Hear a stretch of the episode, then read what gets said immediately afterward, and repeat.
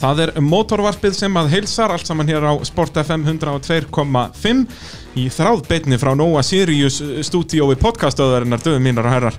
Og uh, já, gestur þáttarins ekki að verri endanum uh, Aron Jarl, sæll og blessaður. Sæll og blessaður Brei Hva, Hvað segir þú þá? Ég segi gott, takk fyrir að bjóða mér Já, bara hafa svona drift legend í, í, í stúdíóin er náttúrulega bara indislegt Já, það er að krytta þetta eitthvað upp Það er Já. ekki bara ljóma upp tófarina Ég segja það, gengur ekki bara að tala hérna um torfæru og, og, rally og eitthvað? Nákvæmlega. Ha, Það verður að- að fjalla um allt á fjórum hjólum. Akkurat sko, og þetta drift er náttúrulega bara mjög áhörðavert sko. Akkurat. Og Tórfaran og rallið er náttúrulega búið að ná sér algjörði í, á Íslandi náttúrulega í 10 ára eins og þú hefur fjallað um, læsilega Þakka þér. Þannig að bara um að gera að reyna íta undir þetta sko. Já, driftið er náttúrulega svona alveg ekta áhörvenda sport. Algjörlega og það getur allt gerst bara eins og hefur komið fyrir. Menn minna að geira okkur annan og, og, hérna, og bílarnir sem eru komni núna í dag það er bara guðminn góður sko. Við erum fannin að nálgast bara uh, heimsklasa tæki sko. Akkurat. bara, marga miljónir Já, þetta er að smíða svona driftbíl núna samkjöfni sem er bara eins og að smiða bara meðalgóðan torfæribíl í rauninni. Þetta er alveg komið fáralegt afl í þetta. Já, ég held að, ég held að það sé bara nokkuð vel skotið þannig að Og þú náttúrulega varst í þessu frá bara degi eitt. Já, ég tók þátt í fyrstu keppninni sem var 2005 en, ef ég maður rétt Já, það ekki á húsgagnarhallaplaninu Jú, þá hétt hún hérna, Midnight Drifter minnum ég, þetta Wow. var styrt af Pirelli og eitthvað og það fekk allir limmið á bílinn og Já, þetta var alveg töff. Já, þetta var í ágústmanni það var sko, setni hlutin á keppninu þá var að fara að vera myrkur og Já, ég hérna, nefnilega mann eftir að hafa séð vídeo á því sko, þegar þetta var bara í myrkri. Þetta var eitthvað sem aldrei hefur sérst á Íslandi áður og hérna, og þarna voru bara bílar af öllum gerðum, Camaro og Transam og BMW-far og, og Porsche og sko Toyotur minni mig líka og Já, einhverja gamla bara fjórur ekki ég Já, korunur og já, eitthvað. Menn bara spreyttu sér alveg þarna eins og slípur okkur sem datt í gólfið og það var bara, fór allt út um allt og glæringar og, Alltaf þetta? Já, já, Eva Mísla var hann á súbrinni og Já, akkurat. Akkurat, sko, Þannig að það var öll flóran. Það var öll flóran, sko. Það er svolítið svoleiðis. Þetta var svona það sem opnaði svolítið bara sportið á Íslandi, sko. Þetta er búið að vera í 15 ár. Þannig, Já, bara frá þessari og all, búið að keppa öll þessi ári það ekki í rauninni alveg frá 2005 eða ekki? Jú, það held ég, það var nú þarna á tímabili fyrstu árin þá voru bara ein keppni yfir yfir árið og, og hérna já, yfirlt var það bíladar sem heldu það og Já, já. hérna svo byrjaði að skapast einhver svona nefndi kringum það, já, já, og, og komið þessu frábæri strákar sem að hafa rauninni bara sint þessu á þess að fá þakkir fyrir það nánast og hérna, og haldi utanum þetta og eiga svona algjöran allan heiður skilið fyrir að rauninni bara Það rauninni að búa til mótaröðina Já, og bara búa til nýtt sport á Íslandi sko. Að halda utan um þetta. Algjörlega, algjörlega. Uh, Mótorvarpið að sjálfsögðu bóði AB varahluta Anna, annað væri fáralegt og uh, já, það er hægt að vestla já, allt sem hugurinn gyrnist hvað varðar uh, bíla og, og allt sem tengist þeim, náttúrulega bestu varahlutinir og ódýrustu og, og, og alls konar auka hlutir líka, þannig að þetta getur ekki klikkað kíkin á ab.is eða bara Facebookið þeirra, þeir eru mjög hugulegir á Facebook, AB varahlutur hef ég séð þetta er, þetta er hendi gott grín og Já. tilbóð og allan pakkan. Þetta eru frábæri drengir hérna með AB og, og bara algjör sómi að, að hérna, hafa svona góðan styrtalega í íslensku mótorsporti Það, út af þeir eru einmitt að styrkja svona alla flóruna, sko, bæði keppnisald og keppendur og, og, og vittlisinga eins og mig sem er að fjalla um þetta og, allan pakkan, sko. Já, já, það þarf að, taka þetta allt, algjörlega. Það er svolítið svolítið og svo náttúrulega bílapunkturinn uh, Já. Valdimar Jón Sveinsson, stjörnumálari Já, akkurat. Hann í, í Reykjanesbænum. Já, hann er algjör snillíkur hvað þetta varðar og bara ótrúlegt að hérna, sjá hvað hann hefur tekið til hendinni veist, og bara á að hósa þessum mönnum og gefa þeim bara gott kredit fyrir velunni störf sko. Algjörlega, það er bara annarkver bíl í motorsportunum eftir bílapunktunum Já, og náttúrulega frábært vestað, stórt og gott vestað þarna, það Já. er alveg sama hvað vandamál er með bílinn þú ættir að skottast í bílapunktin.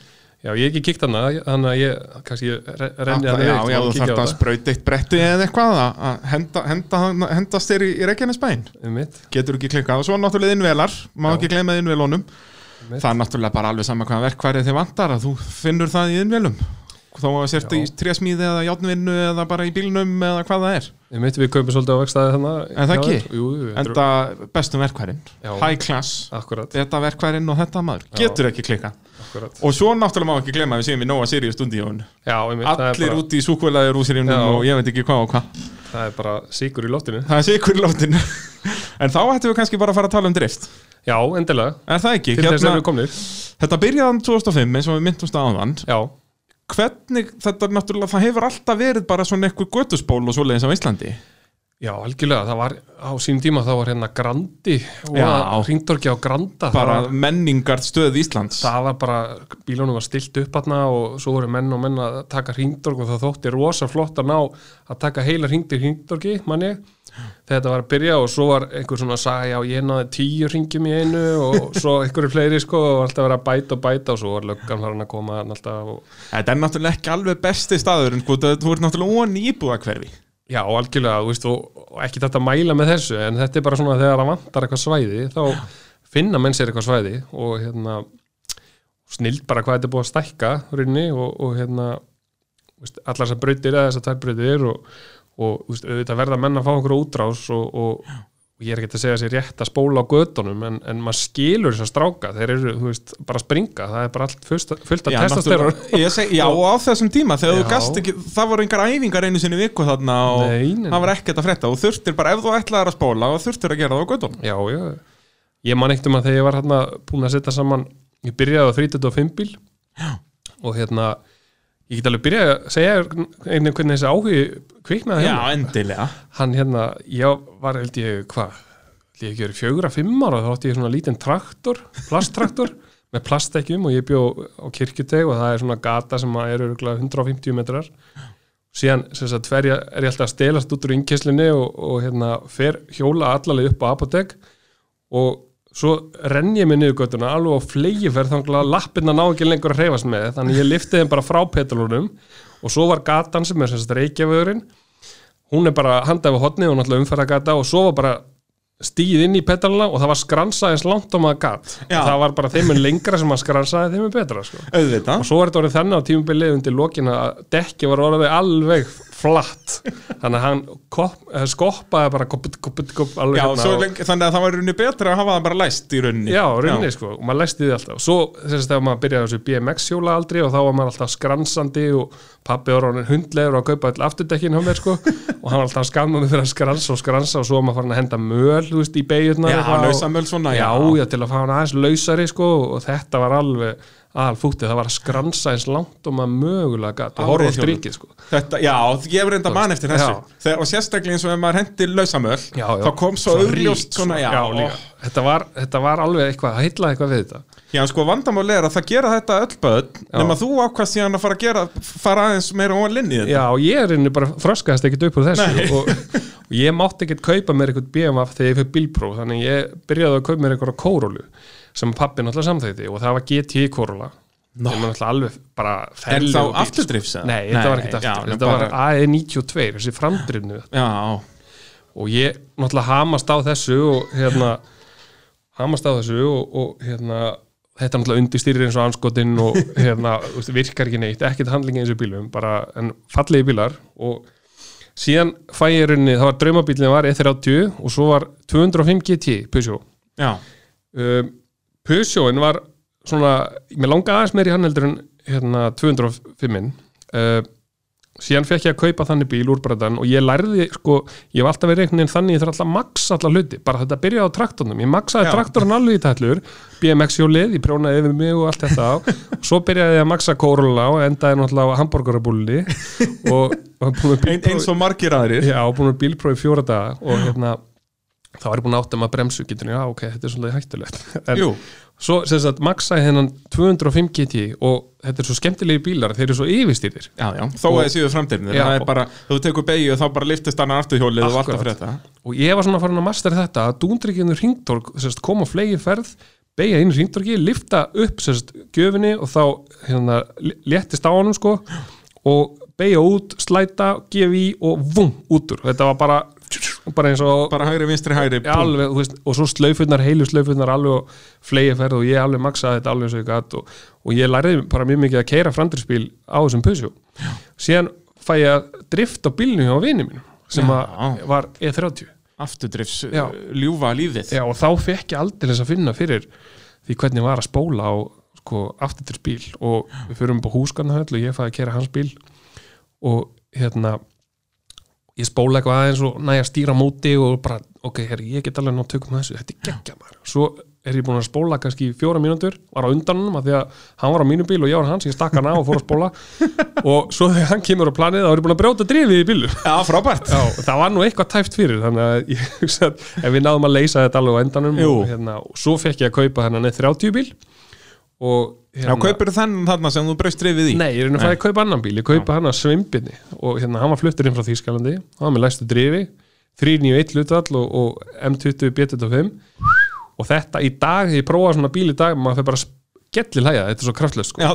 Þetta er alveg ferlegt, þetta eru 7,700 eða eitthvað og hérna, Bara ekkert að frétta. Nei, en maður einhvern veginn var sko bara sætveis allstaðar og náða að taka hringdorgi, nota granda og og, svo fór maður að sko, átta sig á því að þeim er minna grip sem maður setur á aftan þeim er kraftmeir eru bílinn Jú, og þetta var náttúrulega bara eitthvað bara, já, okay. bara vera á aumingjum aftan. Já, líku við sko.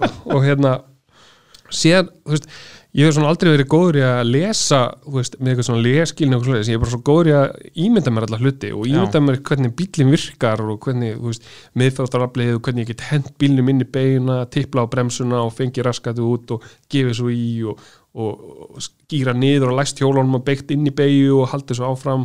Og ég hef svona alltaf að vera, veist, loka augunum á nóttunni eitthvað og pæli í, hvernig virka bíl, á allt þetta og, lækka gýruna eitthvað og, og, og svo leiðis og ég keppa þessu bíl á já, endi, þetta er byrjuð fyrsti keppnisbíl já, rauninni sko. Endi fjórðarsæti og, og sem að ég var náttúrulega sáttu með að ég stóð mig alveg með príði en svo sem sagt uh, selja þann bíl og flytt inn bílinn sem ég er búin að eiga sem allra lengst í 13 ár og búin að keppa á sem eiginlega öll þessi ár. Og ég tek mér tveggjára pásu svo kem ég þarna inn 2008 á honum. er ekki? Og þá er svona er það sem ég hef langað svolítið að koma inn á með menn í mótorsporti að hérna þarna er ég með eh, E30 bíl og ég er með sagt, M3 E30 hjólabúnað sem að er aðeins skemmtilegri heldur en á venjulegum bíl. Ég hann 200 hestafla mótor sem snýst í tæp 8000 og var já 190-200 hestafla þessum tíma. Og þetta keirði ég bara í rauða botni í fjögur fimm ár. Já, og ég lærði svo mikið að keira á þessum bíl. Já. Erum að tala um það að það var ekki farið út í búð á þess að taka allavega eina bíl og All...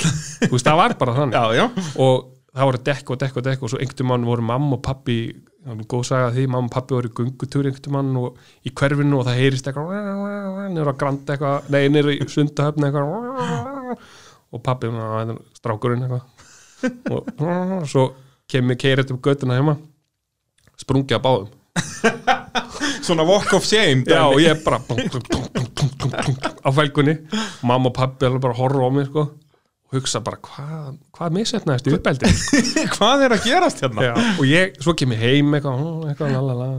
svo kemur mamma til mín bara inn í herbyggi og bara lokar og, Bara ræðan bara já, og horfi, neða, hún horfi bara á mig spyr bara mjög einlegt hvað færði þið út úr þessu?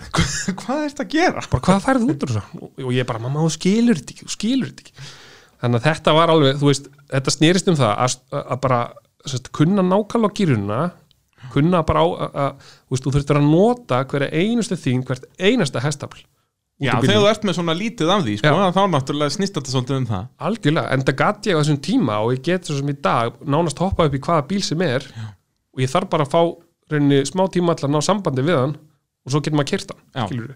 og þetta snýst um það fyrir menn sem eru að keppa í mótorsporti að það er þetta að ná sambandi við bílinn skilur það er einhvern veginn þannig, þetta tekur tíma þessi sætist tímar sem skipta máli til þess að ná góðum árangri.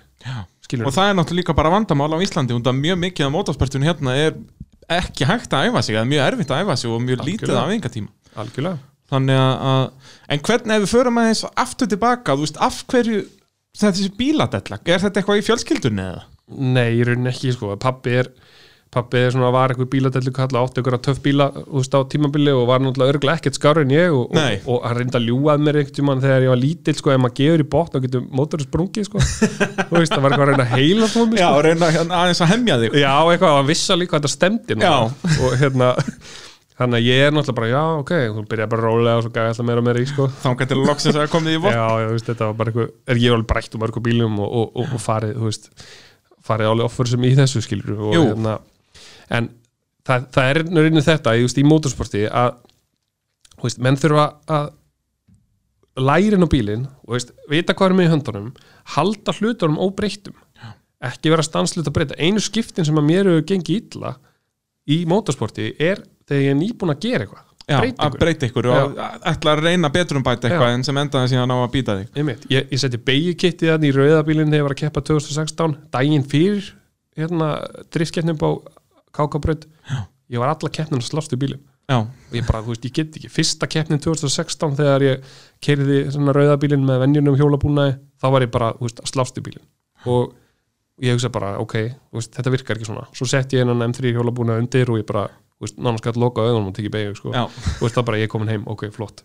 Og það, það er svo gaman að sjá þessar stráka sem að eru veist, að koma í drifti. Ég er núna ekki búin að fylgjast með þessu núna síðustu tvö árin kannski, en á sín tíma þarna 2015, 14, kannski 13 og veist, strákarnir frá Skagaströnd já, veist, þeir eru á þessum 35 bílum með þessa beigjukuppa þarna og, og þetta eru gauðir sem eru búin að vera á bryggjunni að spóla og spóla og spóla og ég er bara, Bara frá því þeir voru 16 ára sko. liggur við, þú veist, og ég tengi svo mikið við þetta og svo, og svo jökull, þetta strákur sem er búin að vera á þessum kompakt þarna, Mhm. bara gjössalega krista hvert einast út úr þessu og enda, þú veist, mæti ég sér hann og er að fara að keppa við þessi stráka og ég hugsa bara, shit, þetta er bara töff keppendur, Já. skilur þetta er bara virkilega, þetta er bara gaur sem vita nákvæmlega hvað það er að gera, skilur maður þarf bara að hafa þessu allan við, skilur Algjörlega.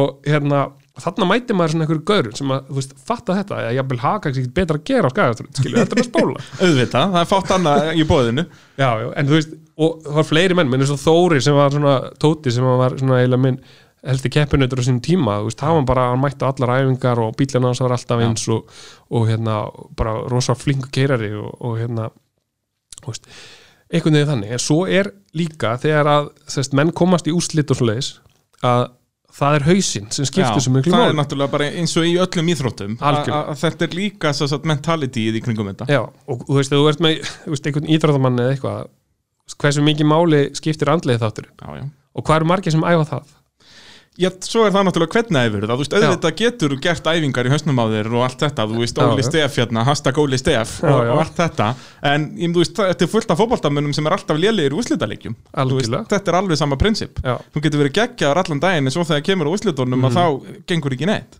algjörlega. Ég lærði svolítið að stílinu þetta á sínum tíma og, og gera ennþá að það er stutt á millið þess að vera stressaður og spendur Já. og þetta að reyni læra inn á sjálfum sig og koma sjálfum sig í stuð það skiptir höfuð máli Algjörlega. það er þetta dagsform Og sérstaklega eins og í af því að þetta er ekki mikill akstus tími yfir daginn.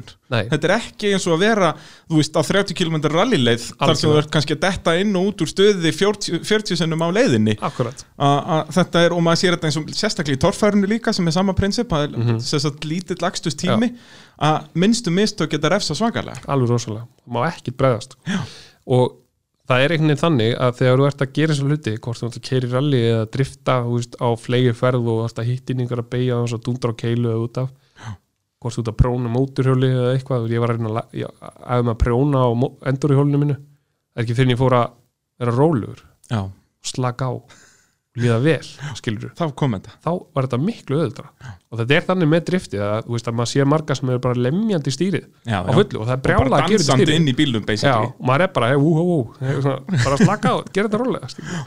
og þetta algengt sem menn gera þú veist, ég var aðeins verið að koma upp á braut svona fyrir einhverjum árum og, og kíkja hring með strákum sem er að taka fyrstu skrefin og bara svona leiðbunnaðan kannski einhverja línur í gegnum brautina og ég fæ rosalega mikið út úr því Já. að sína þeim reyni, herru, taktu þess að beigja hérna aðeins utar, veist, settu bílinn aðeins meira hlið, af því að það sem er svo algengt að menn gera er að þeir keira allt og hratt er í kappastir í breytinni og eru svo að missa hann í svona skrik Já, ég er basically bara eins og kappastusbíl sem Já. er að missa grip. Í algjörlega, staðin fyrir að gera þetta öfugt. að- og þá ferðu út af Já, skilur, og þú vilt það ekki Nei, nei. það er miklu betra að snúa bílnum 20 sinum og allir ekki he he og bílinn er heill, þú nærð að finna hvar punkturinn er, alveg á istu nöf út af það snýst þetta Já, það er að já. setja bílinn alveg í borð og mökka brjálað, skilur við Já, og vita bara hvenar hann, þú veist, það var margir eins og torfarökumenn talað um þetta, að vita hvenar bílinn veldur. Akkurat. Þetta er alveg saman prinsip nema þannig ert að gera þetta 40 sinnum í hvernig hring. algjörlega, A- Að vita hvenar hann snýst Já. og hvenar þú munt geta haldið honum á hvaðan raða og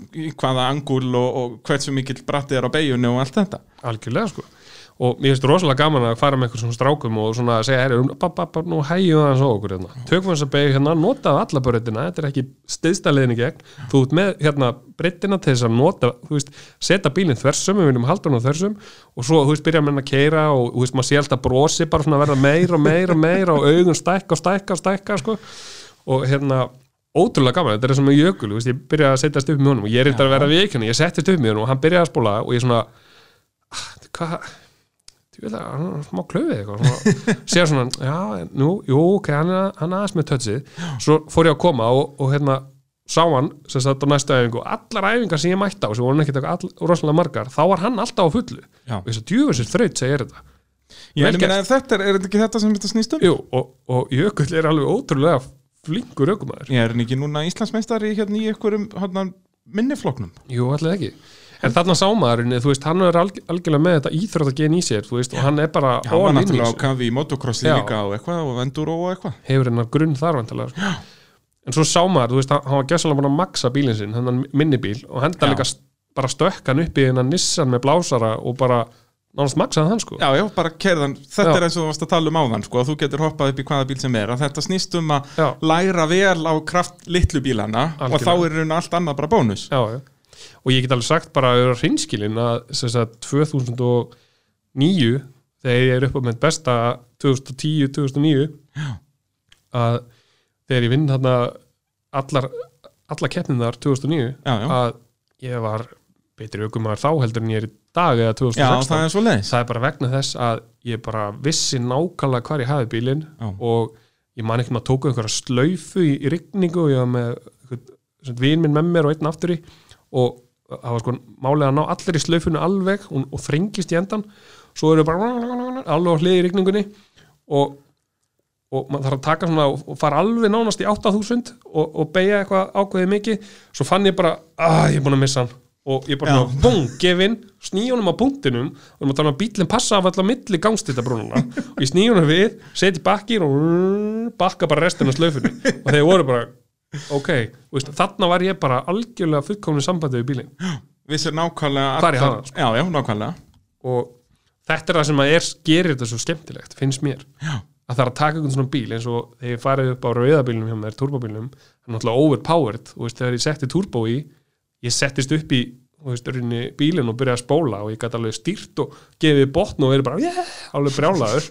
En veist, aflið kemur miklu setna og kemur miklu meira veist, og þú þarf að læra að keira alveg já. nýtt ef þú ætlar að ná að maksa bílinn og ég held að ég svona einhverju tímabúti hafa náða að maksa hann eitthvað sko, en það er samt þetta refsi svo- þetta refsa mann svo mikið þú ert komið svona mikið power Algjörlega. Og ég, ég get alveg sagt að það er engin ökumar á Íslandi sem er búin að maksa bílinn sinn sem á svona öflugan bíl sko. Nei, núna erum við náttúrulega að sjá það og þeir eru bara slefið í þúsundastöf já, já, algjörlega. Og, veist, þetta er náttúrulega bara gríðarlega kraftmikið. Og þeim er meiri sem hraðin verður þeim er öðuldra er þetta.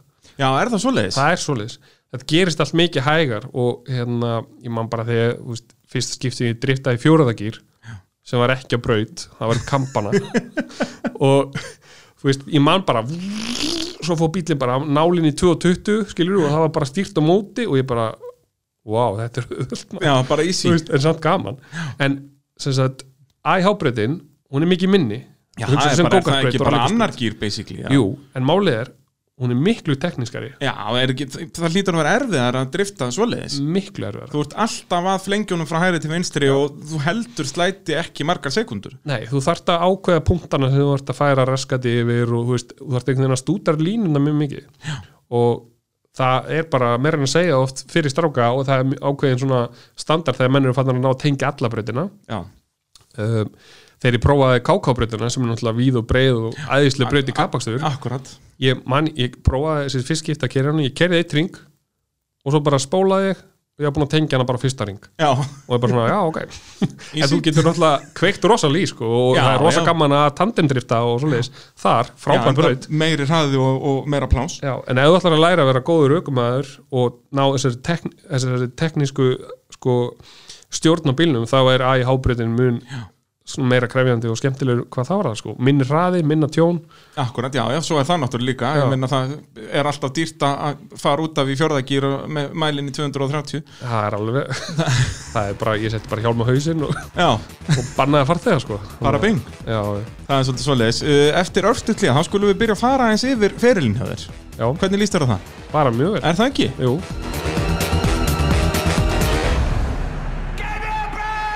Mótorvarpið heilsar ykkur hér á Sport FM 102.5 Í þessum þætti erum við að tala um drift sem er, já, er þetta ekki yngsta akstusíþróttin á fjórum hjólum uh, á Íslandi?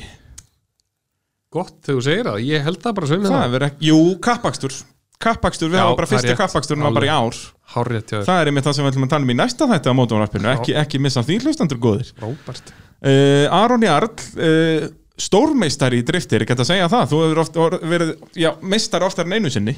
Jú, ég, ég veit ekki hvað þetta eru margir til það, hvort þið fjórir að Eitthvað svo leiðis, Eitthvað svoleiðis, sko. þetta er það margir að ég get eiginlega ekki talað á. Já. Ég treysti mig bara að tella upp á tvo eða þrjá. Já, uh, Nú ætlum við að byrja að fara yfir ferilin hjá þér. Uh, Það er náttúrulega fyrsta keppnan 2005 já, Ef Þú getur aðeins talað um sem sagt svona undirbúningin fyrir þú veist hvernig var þetta til? Þið eruð bara hann eitthvað nýra á granda að vera töff. Já, já. Kom síðan bara eitthvað herðu, eigum við ekki að prófa að keppi í þessu? Þú veist, það er náttúrulega byrjað að keppi drifti erlendi þarna alveg í mörg ár. Já, algjörlega.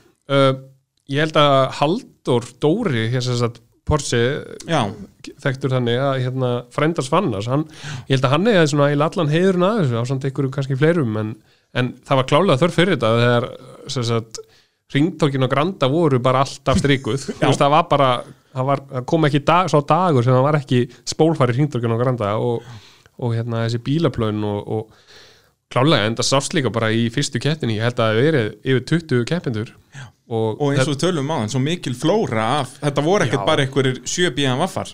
Veist, þetta var bara endalaust af mismunandi bílum og mismunandi fólki. Algjörlega. Og bara virkilega skemmtilegt. Og þetta var klálega eitthvað sem komið til að vera. Þannig að ég held að já, byrjun á þessu var þannig að hérna, en ég myndi nú kannski segja að þetta var átt eftir að þróa þessi reglurnar og, og svo leiðis Já, og er ekki líka þarna var bara driftað í ringi það ekki, það var engin braut. Jú, þetta voru eitthvað svona Bara einhverja keilur. svona tvö bara keilur ringtork já, og svo var eitthvað svona frísvæði þar sem menn átt að spóli ringi og Já, eitthvað, þetta eitthvað sem er kannski ekkert endilega það erfiðasta til að gera. Nei. bara að kúpla frá að láta bílum í ringi Nei, ákvæmlega, þú veist, og, og Já, og geggja að fá að nota hann húsgagna þetta planið og svo árið setna upp á MS plani Já, algjörlega, það var bara mjög skemmtilegt að horfa á það, að kvikna í einum bíl hjá honum andra minni með ykkur Nissan. Og hérna bara geggja sko. Og þú endar hann í fjórðasæti í, í fyrstu keppni 2005 Já, Ert svo ekki með 6 og 7 uh, já, Af hverju er það? Þú, hvað, seldur bílinn hann? e, já, ég seldi bílinn og keifti runni draumabílinn minn sem var E E30 M3 og ætlaði að gera hann upp og, hérna, og það gekk nú ekki betur en svo að ég setti þá bara pásu og notaði varhlutuna úr honum og ákvaða að flytja bara inn bíl sem var alveg Já. og frá Þýskalandi og færi allt yfir í hann þannig að þarna er ég komin með runni BMF 30 þú veist, bara í annari skél og með sína axtur eiginleika og þennan skemmtilega fjörðsindra mótor sem er bara alveg kutamlega skemmtilegur og gýrunum frábær og ég held að gýrun og þessi snúningur, þetta snúningssvið sem ég hafði á þessum tíma það hefur hjálpað manni rosalega mikið. Og Man það, tek- hvað, hann fer upp í hvað, 8 eða 9000? ég let, hann, hann, nei, nei, hann fór sest, sló orginal út í 7 og 4 held ég og ég held hækkaði upp í 7 og 9 Já. ég var, að, ég var að ná í svona að fara í 110-15 í öðrugir Já, og tegja hann alveg upp í 70 fyrsta þannig að allir þess að þröngu beigur sem að þurft að gera það, það gæti maður tekið í fyrsta gýr einhvern veginn og, og, og með svo langt snúningsvið sko, þannig að þú getur spila með svo eins og segir langt snúningsvið og, og hérna getur rettaður út úr alls konar aðstæðum einhvern veginn þó hafur ekki aflið. Og svo er þetta einmitt það sem að menn gera oft og pæla ekki og maður pældi svo mikið á sín tíma að gýrun skiptir svo mjög máli út kannski að vinna með 200 hestöfl og út með svona stórt dekk eða svona gripmingil dekk svo er þetta kannski með bíl sem næri 80 öðrum. Ok, hann bara drrrr, fer í útslátt næri ekki beginni, setur í þriðagýr pöðu, kóðunar þannig að ok, við þurfum að breyta drifinu skilur, við þurfum að færa okkur upp í 100 km það og þannig getum að spila svolítið inn á þetta Já, eins og maður sér bara í formúlu drift semst erlendis að þar eru menn að skipta um driftföld bara milli brauta algjörlega og bara, þetta er bara það sem kemur manni þú veist, áfram og, og kannski framar að er að skilja þessa hluti og hérna já, þú veist, og bara heppin með þetta kram skilur þetta var nú ekki kraftmesti bílinn en, en þetta var aðeins kraftmeira en 325 bíl og, Já, og eins og þú segir, skemmtilegt vinslu svið algjörlega. Og, og hvernig var svona sem sagt, hugarfari hjá þér þarna, þú veist, þú ert bara svona elskar BMW-fiðinn og, og ert svona bílakall, þú veist, Já. varstu þarna farin að horfa á, heyrðu, ég ætla að þú veist, verða markvældu mestari í þessu drifti og þú veist, varstu með eitthvað stærri drauma, þú veist, langaði að fara út að keppa eða vildur þú frekar fara í kappakstur eða þú veist, hvernig var svona stemmingin að það? sko, nummer 1, 2 og 3 var bara drift og Já. það er eitthvað sem Alveg frá bara fyrsta degi, hann bara frá 2005 basically, frá fyrstu keppninni hann Já, það, það var unni, sko, ég hef alltaf verið svona hraðafíkill og að hafa stjórn á óstjórnleikanum er einhvern veginn það sem hefur hillað mig og driftið er, þú fær rosalega mikið þar sko. Já, já, þetta er bara pjúra car control. Já, þetta er bara pure card control og þú ert að raunin að stjórna bíl sem er í óstjórn einhvern veginn. Og það er raunin það sem að heitlaði mig við þetta. Jú, mér finnst alltaf rosalega gaman að kera hratt en ég fer alltaf óvart að setja hann út á hlið örlíti af því mér finnst það svo gaman. Mm. en hérna já, þetta var klálega á sín tíma þegar ég var hérna 21, 2, 3 bara, ég vil meina að ég hafi verið svona hvað ég myndi segja að það verið bara mjög gott efni í góðan aukumann sko. og auðvitað voru draumar að fara út að keppa og þetta var náttúrulega alveg nýtt hérna á Íslandi en það er bara eitt að vera akstusmaður eða vera umbóðsmaður eða vita Já. hvað maður á að gera, búandi á eigu og ég held að ég hafi sínt svona einhver ákveðni yfirbyrði þarna á sínum tíma að geta keirt skilur og, og hérna og, og mér þráði rauninni alltaf eitthvað stærra og meira krefjandi. Veist, Já. það var bara þessi eina braut sem að maður var Já, gjössalega var það kannski ekki aðalega það líka sem var böggandi Jú, að vera alltaf bara hann upp á rallycrossbrut jú, maður var farin að hver, veist, þekkja hvern einasta stein á brautinni og veist, bara latínunöfnin á öllum plöntónum já, og já, bara, já, og það var einnig bara þannig og, og hérna, ótrúlega gaman og, og hérna, og þetta er bara svona ákveðin dans sem að maður tekur einhvern veginn og maður var farin að, það var, alltaf fólk að koma og vilja sníkja far, það var að gegja að fá sitt í og eitthvað svona og, veist, auðvitað, jú, mér langaði að geða þetta að fara út einhvern veginn, svo þegar, veist, að maður var í þessari topp árut alltaf þá byrjaði að vera svona smá leiðilegu mórall fannst mér og það var svona eitthvað svona að vera að baktala og svona leiðis og ég bara svona nefndi ekki að taka þátt í þessu fekk bara nóg, þú veist þessi braut var ekki lengur krefjandi veist, það var eitthvað svona að vera að drulla eitthvað yfirmann og, og segja eitthvað svona og hitt og eitthvað, já, alltaf kallt á topnum það er það pínu. Ha, það er bara svo leið og hérna, svo, þú veist, tekið mér bara eitthvað pásu og ég ákveði að keppa þarna og tímpunkti þá ákveði að keppa bara á bíladögum, bara búið að hafa gaman skilu, öðru sér braut, maður vissi aldrei hvað maður var að fara út í og hérna, já, það var reyni veist, það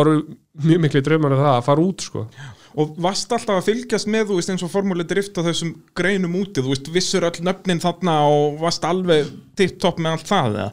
alls ekki, Nei, þú varst ekkert að velta að vera búið því? Ekkit. Bara, mér langaði að fara að keira eitthvað takast á eitthvað starra, Já, en það var einhvern veginn ekki til peningu fyrir því eða ekki til, þú veist, ég vissi ekki hvað ég ætti að gera eins og já bara ekki, maður veit ekki eins og hvað maður á að byrja í rauninni. Nákvæmlega, sko. Þannig að- að að það svona gekk ekki alveg en þú kemur hann aftur 2008 uh, og hvað, keppir bara á bíladögum þá eða ekki? Jú, það er bara keft á bíladöfum þá Já, þannig mótaröðin ekki byrjuð Nei, mótoröðin byrjar 2009 Já, en þú mætur á bíladag og vinnur þar Já. og þannig ertu komin á semst nýja bílinn Já, þarna er ég á þessum M3 bot, Mm. þessum M3 bílum þarna sem Já. að ég er búin að eiga í 13 ár ekki nema Nei, og hvað, er, hann- hvað kostar hann? Hvað er hann til sölu?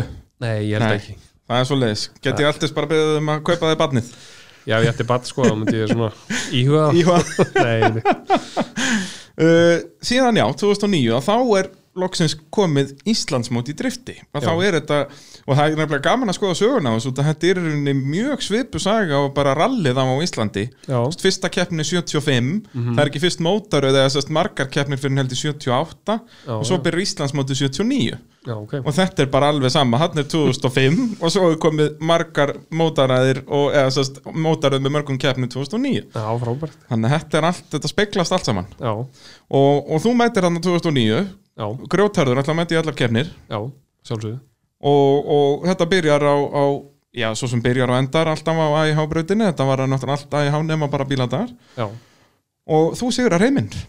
Allavega íslenska heiminn. Já, ég hana svona, það gekk ótrúlega vel og, og hérna, ég vann þarna alla keppnar. Já. Hvað, þetta eru fimm keppnir, já? Já, þetta eru fimm keppnir. Og það var á þessum tímúti sem ég var að segja, þú veist, ég vissi nákvæmlega einhvern veginn hvar ég hafi bílinn. Og, og já, maður svona einhvern veginn bara var mjög viltur og trilltur og, og til í veist, að leggja allt undir og það fór allir peningarnir í þetta, veist, bensín og dekk og, og hérna já, maður vildi takast á þetta og þetta fór að ganga rosalega vel og, og hérna endaði þannig að ég var Íslandsmeistari og tilnefndur sem Axtursvíþörtum aður ásins Akkurat sem ég fekk ekki þá en Manstu hver var akstursdómar ásins? það var Daniel Sigursson Já, hinn einu sanni já, já. Þá er hann hvað bara búin að vera að keppa í Breitlandi? Jú, hann er held ég búin að keppi Breitlandi þannig og, og farið þennan titil. Alveg rétt, þetta er mjög oft með akstursdómar ásins að hann er oft gefinn sko ári of sitt Já, Þú veist, ég held að Danni átti frekar að hafa verið þetta sko 2007 eða 6 jafnvel. Já, akkurat. En ekki það, hann átti þetta alveg, alveg skilið þannig séð En náttúrulega svekkjandi að þú vannst allar keppnir í, í þinn íþrótt. Já, já, maður hugsaði bara æ, þetta er glæni sport og hérna Bara hort niður á þetta. En veist, var það samt ekki alveg svolítið þannig? Það var hort svolítið niður á driftið. Jú, það var, ef ég var alveg hinskilin þá var það. Og, og hérna, nú í dag þá er þetta held ég á tímapunkti var þetta held ég bara mest sóta sko áhrendarsportið sko. Algjörlega og, og sem sagt bara vinsanast að þú veist ef maður horfir á því eins og bara Facebook-grúpur og þetta dót að, Já. ég meina það eru fleiri í Facebook-grúpu fyrir drift heldur en rally. Algjörlega a, a, og við verum alltaf meina að það er sé eitthvað merkilegt, það er bersýnilega ekki ekki jafnmerkilegt og drift. Já, það er auðvitað að vera driftari heldur en rallari þannig að ég held að það sé svona kannski stóra ástæðan. Það geti verið, geti verið. Uh, Þú vinnur allar keppnir 2009 hverjir voru þarna svona helstu keppinundunir hann er ekki fannar á porsinu mikið hann? Jú, Fanna var þarna að keppa og hérna uh, Sigurður Sörensen var helviti skæður. Mm. hann var á 300 set, hvað heitir þessi stóru þungu, var þetta ekki 300 setax, eða 300 Er hann þá eða þú stærðar þá ekki 350 hérna, ef það er nýri Nei, þetta er, þetta er stóri hlungurinn hann að Twin Turbo VAF 6 Já, sem er með svona targatopp eða það Já, já. jú, það er 300 held ég. 300, já. Það var heldur öflugu bíl sko, hann var, hann var alveg 400 Er það ekki þannig bíl að koma þeir ekki orginal með forvílstýr og eitthvað svona. Já, já, alveg, Japanin alveg búin að missa sig hann sko. Já, já. Siggi er alveg sko, frábær og frábær keppnismæður, rosalega gaman að keppa við hann og það er aldrei en fíla eða neitt, veist, það er bara til hammingju og, og mikill pælari, rosa, ég leit mjög mikið upp til þessu sín tíma og gera enn, hann er mjög klár í því sem hann er að gera. Hann er bleið þurft að keppa meir í motorsporti sko, þetta er eins og segir, hann er mikill svona heili hann er mikill Já. pælari bæði sest bara setja upp bíla og líka bara að, að vesena stíðin Algjörlega, Þannig að við þurfum að sjá meira á honum algjörlega, ég bara myndi vera í, í grúppunni hjá honum, sko, hjá honum, hann myndi koma, sko.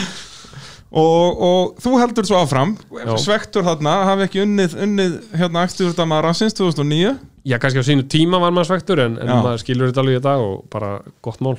Já. Og, og mætir 2010 Já. og þá hefði maður haldið að þú myndir bara halda áfram að vinna allt og alla en það var ekki Já. alveg að það var aðeins meira challenge allavega Hvernig var, voru þetta þrjár kepp, ja, það eru fjórar samkvæmt mínum, mínum bókum. Ok, og í fyrstu ert í fjórðasetti fyrstur í fjórasæti, já. og, og mannst eitthvað af hverju það er? Þetta er ekki nema tíu ár síðan. Ég mér rámar ekkert um að tekin beigjan öfug og ég held ég að eitthvað mist hraðan eða eitthvað, ég var eitthvað ósvætt við þetta og þetta endaði svona og það var bara, ég var rosa fúll þá en þetta er alltaf skilur jú. Og ég held að ég hef bara, þú veist, ekki kert nú vel eða eitthvað, bara Já. verið ríkaður Uh, ef við tölum aðeins um þetta fagurfræðina, Já. þetta drift þetta er náttúrulega dómarar sem að ákveða hver vinnur. Algjörlega, það er ekki, það er runni engin konkrít. Er tekin tími, nei það er ekki einu sinni tekin tími eða það, Nei, það er ekki, það er, þú veist, dómararnir geta ekki einu sinni bent á eitthvað nefnum bara að horfa á vídeo, þú veist, þeir hafa ekkert í höndunum til að segja, heyrðu, nei, ég hef rétt fyrir mér Já, það er það sem hefur verið kannski svona viðlöfandi í þessu sporti er kannski svona einhverja rökraður og menn rjúki fílu eða vera pyrraðir og já. ósamála og, minna, þú veist, halló, hverju réttu penda að vera dómari? Það vill lengi vera dómari, skilur við. Þannig að þetta er mjög vanþakklátt starf og auðvitað þekki allir einhvern og, og þetta er bara lítið land en þú veist, við verum bara að vinna með það sem við höfum og að sjálfsögðu, minna þú veist, það getur vel verið að þér finnst flottar ef ég gerir svona eða hins veist, maður getur þá gert eitthvað hluti sem að dómarinn vill fá að sjá. Ég hef alveg spurt dómarinn þegar ég keppni veist, hvað viljið þið fá? já, það er svo leiðis Já, já, þú veist, ég get þá bara reynd að gera það og hérna, já, já, minna veist, þetta er bara eitthvað sem mað, maður ræður ekki. Nei, nei, en svona that being said, að þetta er náttúrulega líka mjög stránga reglur, hvernig þeir dæma. Þetta er ekki bara, að mér fannst þetta nei, nei, þú veist, að ef þú myndir fara kannski aðeins yfir það núna já, þetta er fyrir okkur vittlýsingana sem vitum ekki neitt. Já, þetta er allan á þessu tíma sem ég var að kera nú kannski eitthvað búið að breyta þessi dag eins og með tandemið, ég hef ekki keftið því. Og það er unni bara gráðan sem þú nærð þú veist, á bílinn og halda gráðunni. Og þetta er reykurinn að einhverju hluta til ég man nú ekki alveg prósendinu á þessu. Og þetta er hraðin líka sem hún er ekki inn á brautina. Samhæfingin og tengingin og milli beigja og svo erum við með svona clipping point sem að frammendin á að vera ákveðin álat einhverju keilu, afturendin á að vera ákveðin álat einhverju keilu líka. Og þetta er innu, þú ætti bara að stýra bílnum í óstjórnleikarum í gegnum brautun og vera eins og þú getur þessum og hinum hlut. Ná góðri samhæfingu milli beigja og þetta er innu bara pjúra car control sem þú Já, þarft að já. hafa. Og til þess starta þú veist, vita svolítið hvað ert með undir bílnum, þú veist hvernig dekkin eru hvað þú getur beitt, hvað þú kemst hratt í gýrnum skilur og æfa þetta Já, er bara tíma að já, já, og þarft að vita bara hvert einasta hotna á bílnum bara út og inn. Algjörlega, uh, Talandi um þessar reglur, hver er munurinn reglulega séð á Íslandsmótinu drifti og heimsæmstaramótinu? sko eins og ég sagði þann, ég hef ekki fylgst mikið með þessu Nei. úti en sko þetta er náttúrulega á svolítið öðrum kaliber úti bara hvað menn er að gera og hvað ég geta. Og hérna hraðin er ég, veist, nánast tvöfalt meiri Já, þannig er þetta náttúrulega líka bara sér smíðaðir kapastusbílar. Það er Já. skélin er öll tekin í gegn og, og það eru þúsund testöfl og, og breyð dekk og spoilerar og allir pakkin. þetta eru örugglega 20 miljón svona bílar sko. Þannig að ég held að þú veist, við séum enga veginn sam, sambarlega í því en þú veist, þetta er alltaf að fikast nær og nær og hvort þetta náið eða ekki, jú, jú, þú veist, það getur gert það einn daginn en þú veist, ég er ekki bara, ef er að segja alveg hrinskilna, þá er ég bara ekki alveg með reglunar úti hvernig það eru nákvæmlega í dag Nei. En, það, en þetta er samt svona svipað dæmi að það er ennþá, það eru dómarar og, og, en það eru náttúrulega keppaðir bara í tandemi. já, já, algjörlega og þú ert semst, bara að chasea og svo ert að líta semst, út á undanfari og eftirfari Akkurat. og þú ert að reyna að vera sagrisugur og þú veist, aftari bílnum eins og þú getur Já. og það er svona þetta attack mode sem að menn þurfa að vera svolítið góður í sko. Já, já, þetta, þetta eðli hvað það var þar uh, Ef við höldum áfram um 2010 tímabilið að þú uh, sérst, mætir eitthvað reyðgáður hann til leiks nær fjórðasætinu fyrstu keppninni já, svo er aftur upp á Rallycrossbraut eða, eða Axtus íþróttasvæði AIH já, já, sem er með þjált og skemmtilegt nafn. Mm uh, og þar tekur við fyrsta sætið. Já. uh, Svo á bíladöfum, já þú hérna bílinn bilar hefur á bíladöfum eða ekki? Jú, hann bilar einhvern veginn, ég man ekki alveg hvað ára þetta 2000, 2010, Já, ég er unni lendi því að ég var með tvo bíla á þessum tíma. Auðvitað. Ég var með hérna fjórasindra bílinn sem var komið í annað bóti sem ég á ennþá í dag, keipti aftur. Það er rauður S30 og svo var ég með svarta bílinn sem ég var búin að setja turbomótorinn í. Það var búin að smíða þarna M50 turbo 24 ventla, 2.5 og setja þetta allt saman saman og ég var búin að sko bara ég veit ekki, dreyma þetta bara í mörg ára að búa þetta til, ég held ég að vera nú fyrstur í Íslandi til þess að búa til eitthvað svona öflugan turbobima sko. Og það var það að geta spólað í þriðjagýr já það var draumurinn. Já, en svo í svari spurningunni að hérna, Já, þetta er bjútið við podcastin, sko, að þú getur bara laðið þér alveg um Já, hvað sem þú vilt og svo bara svo lengi sem það endar á, á staðunum sem við byrjuðum á. akkurat.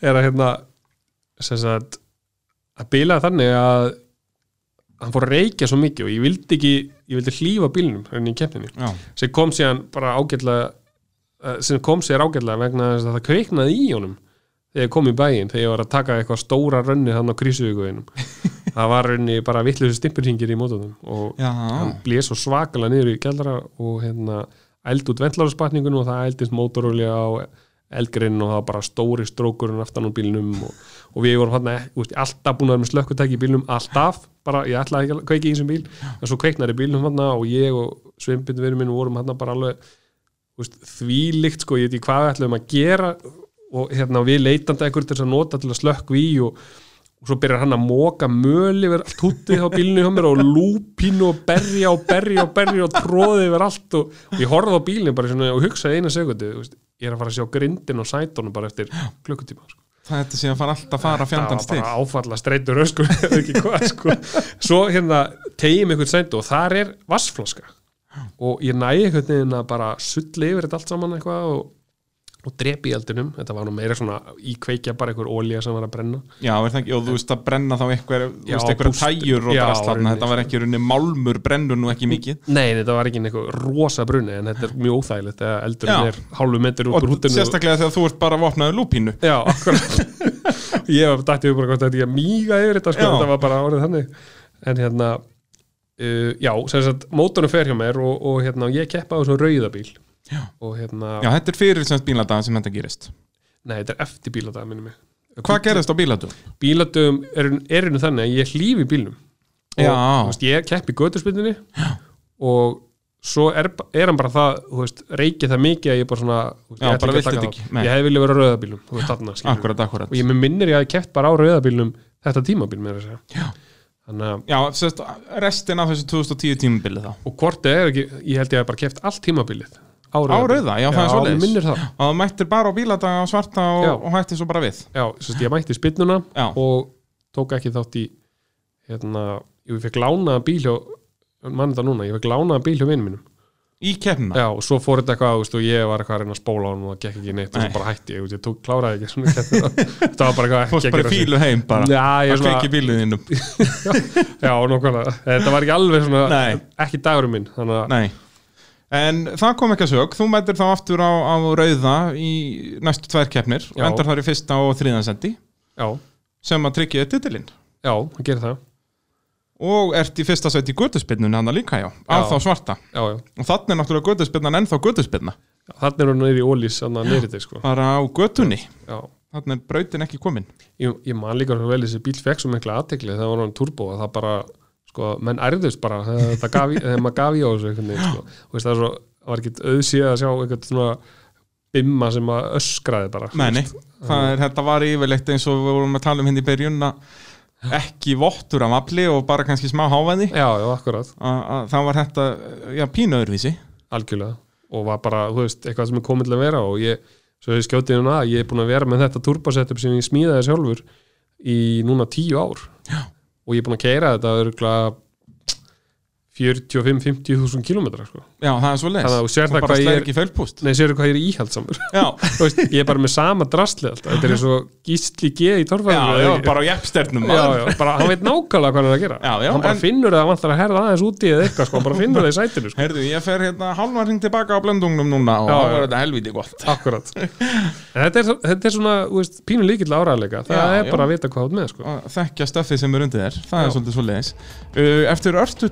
skulum við nú halda áfram að, að fara yfir hennan feril hjá þér og, og hérna ræða meir um driftið bara, þetta er indislega íþrótt. Algjörlega. Þið eru að hlusta á um, mótorvarpið hér á Sport FM 102.5 í þráð beitni frá Nóa Sirius stúdíói podcastöðvarinnar hvorki meira en minna. Allt saman í bóði AB Varahlutað innvéla og bílapuntsins Aron Jarl. Við erum að tala um drift. Já, heldur betur. Hvernig fannst þér þessi innkoma? Ég er bara out of breath hérna Þetta var bara mjög flott. Takk fyrir, takk fyrir.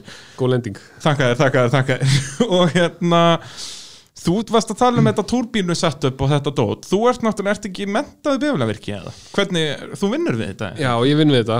Og hérna, þetta er raunin bara Sko, ég horfði á eitthvað vídeo á YouTube sem hétt Könnís hérna E30 Turbo eitthvað M50 Já, og 700 hestuplega eitthvað og ég, ég horfði á hramalinn og hann bara og hann er svo bíl sem að, að hramalinn var bara í svona snúningsmann hann Já. bara skaust bara upp eftir, þegar skipti gíra bara skaust hramalinn upp og svo skipti næsta gíra og skaust upp eitthvað og ég hugsa bara, þú veist, ég verð að fá mig svona sko. og þetta tók mig tvö ára að safna þessu upp í þetta og ég kifti intercooler og svo beði einhver tími og svo kifti ég já, viski og varst svona að þess að þér Já. hægt og rólega og það eru margir sem hafa farið þennan veg í þessu Já, og gefist upp á endanum vegna þess að þetta er bara ég veit ekki, þetta er eins og að lappa bara Sahara eða eitthvað sko. Já. Það kemur alltaf áfall og eftir áfalli og Já, er þetta ekki líka kannski óþarfa vesen fyrir hestöp sem hægt er að ná að auðveldari hátt?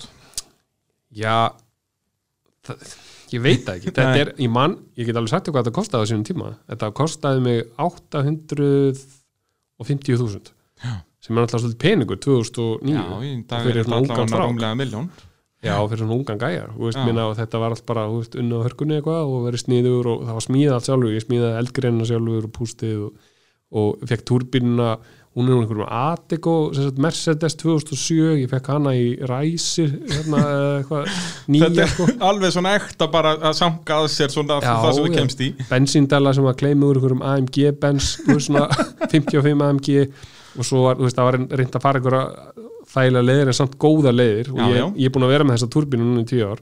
Nákvæmlega. gjössanlega búin að sko sprengja úr henni raskandi sko, hún er bara, hún er all, allt og lítil. Með, ég er var 2,5 lítra þarna og ég komin upp í 3 lítra núna með, með því að stróka mótorinn. Og hérna turbinin er alltaf svo sama.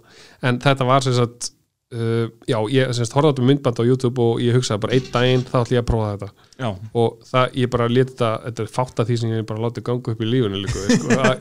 Ég man bara þegar ég var búið að tjúna bílinn ég spólaði annargirinn bara á 17 tóminum bara svo setti ég í þriðja og hann bara, þá fórum við svona hraðmælinu upp eins og YouTube bara, bara og bara skaust upp og ég bara spólaði út allan þriðagýri og það var sko bara 11 í malbygginu bara, þú veist, við erum að tala bara um 200 metra sko. Já, og reykurinn og lætin og sprengingan og ég, þú veist, og ég, ég þurft bara að klípa mig sko, bara, þetta var svo geggja já, þetta var bara æðislegt Bara akkurat það sem þú vildir. Já, algjörlega. og þetta var, þú veist, maður þurfti náttúrulega að höndla þetta og, þú veist, og reyna að ná tökum á þessu og, og það var spint út um allt maður og, og gerðar alls konar hérna, tilrunum til að ná okkur um íslensmyndum í, í kvartmílu, ég náttúrulega náði ágætist tíma á þessu bíl 11.88 sem ég náði síðan að bæta á rauðabílnum með þryggja litra og hann að hérna, léttar en náði þarna einhver íslensmyndi á BMF uh, 11.005 Já, og hérna bara fýtt tími en þú veist, turbínan er alltaf lítil og, en þú veist, þetta er bara bít sem að er, þú veist, ég bara kann ná hann mér döðlangar að stakka turbínu eða breyta gírhlutunum ég er að setja 6 gíra kassi núna bara til þess að fá aðra gírhlutunum og eitthvað svona en þú veist, þetta var á sín tíma bara the shit, sko, veist, það var M50 turbo þetta var, þetta var miklu kraftmir en M20 turbo, eins og menn voru farnir að gera. Þessi mótor andar rosalega vel og þetta er svona án efa eitt besti held ég mótor sem hefur komið frá BMF, það er þessi M50 mótor. Já. Hann er ótrúlega sterkur og góður. Og hvað, kemur þú 2011 þá með þetta turbo setup allt uh, full FM já, þannig er ég að koma 2011 búin að vera meistari handan tvö ári í röð. Já, kem ég ekki setna inn í tímabilið þannig teki ekki þrjárkefnir eða hvernig?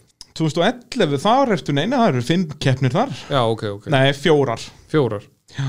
Ein á, Nei, nei, þú tekur bara þrjár, ég er í já, ruglinu það ekki? Þarna rauninni er ég komin leið á svona einhvern veginn driftinu og út af bara svona smá leiðilu umtali og eitthvað og ég fekk bara nóga þessu veist, og bara Já. geði eitthvað pening og búin að eða náttúrulega öllu í þetta turbodót og eitthvað og ég fekk bara eitthvað svona að leika mér. Og svo ákveði að koma inn í Íslandsmótið þegar tvær keppni, keppni voru liðnar og ég keppti þrjár keppnir Já, er það ekki, þú mætir fyrst bara á bíladaga. Já, mæta og bíladaga. ætlaður þá bara að mæta á já, bíladaga ætlarinn er bara að mæta bíladaga og ég man ekki hvort ég vinn Jú, þú bíladaga. vinnur bíladaga þá. Ég vinn bíladaga og Og mæ- vinnur göttuspilnun og bíladagum líka. Já, og uh, er ég átvex líka þarna Nei, það held ég Nei, ekki. það er setna sennilega. Svo veist, ég vinn vin bíladaga þarna og, og hérna og kvöldspinnina og svo ákveði ég bara einhvern veginn svona, reyna að halda áfram í, í, í þessu. Og ég sá fram og ef ég myndi vinna báða keppninar þess sem að eftir væri, þá myndi ég samt náða Íslandsmestari Já, ok. Og ég tek hann að keppni númer fimm. Fjögur þá, eða fimm, voru sex samtals? Nei, nei, nei, fyrir ekki, ég tek númer fjögur, já, ég er búin að tek þátt í þriðju. Vinnur hana á, Já. á IH-breytinni tek, tek þátt í númer fjögur og vinn hana ekki? Akkurat, jú, jú. Og síðan lendi hérna í öðru sæti. Munaði eitthvað fára litlu og þá munaði einu stígi sem sagt að ég hef ekki verið Íslandsmyndari Og hver tók þið til hann? hann hann heitir Adam, Já, alveg rétt. Hann var heldur svona trilltur aukumæður Já, hann var alveg, og það var mikið sjó. Já, hann man mikið sjó að því. horfa á hann sko. Alveg rétt. Þannig að hann alveg misböði dóttinu alveg Já, já, allan penningin sko. ég man ekki hvort það hefði verið þarna ekkert mann áður, þá fór kúplingin hjá hann með eitthvað djölin og hann ég held að hann hefði notað kúplist í einhverju traktor eða eitthvað, þetta var eitthvað þetta var eitthvað alveg Bara alveg sko, sveita lífið Já. bara, ha. og bara gaman skilur Já, ég- mann eftir hún með Hann var, hann var skröldlegur keppandi. Já, algjörlega, gaman að svona görum sko.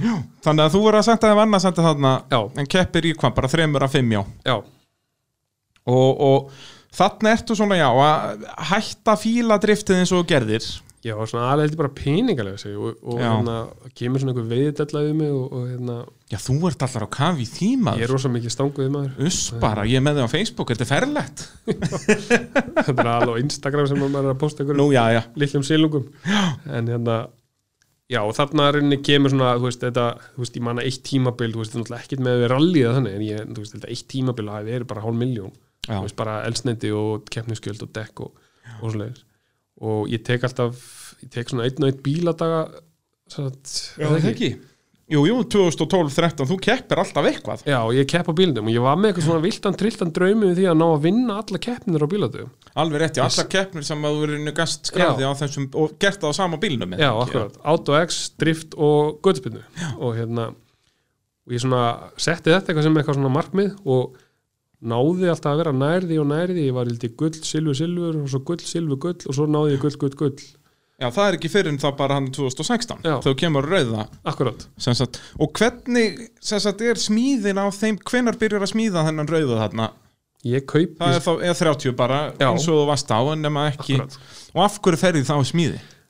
Ástæðan fyrir ég fer í þá smíði er svo að mér þykir bara orðið svo vænt um svartabílinn. Ég á bara svo margar minningar með honum og, og, og svona með aldrinum þegar maður þroskast þegar maður hugsar þegar maður er að út kannski að gefa í botn og klára þriðegirinn setur í fjórða og hann hendur út raskatinu á 160-70 þá ertu að hugsa bara ok, það er líf í húfi hérna sko. Já, já, þannig að ég ákveðurinni skinsa, bara röglega séð að, að færa þetta kram, þetta kraftmikla kram í annar bóti sem er með veltibúri, stól og alltaf þess að virkispúnaði og líka það bara að vera þess að svona ekki að taka allt það sem er eftir úr svartabílum þó hann sé alveg ótrúlega heill þú veist, með allan hamagang sem hefur gengið á.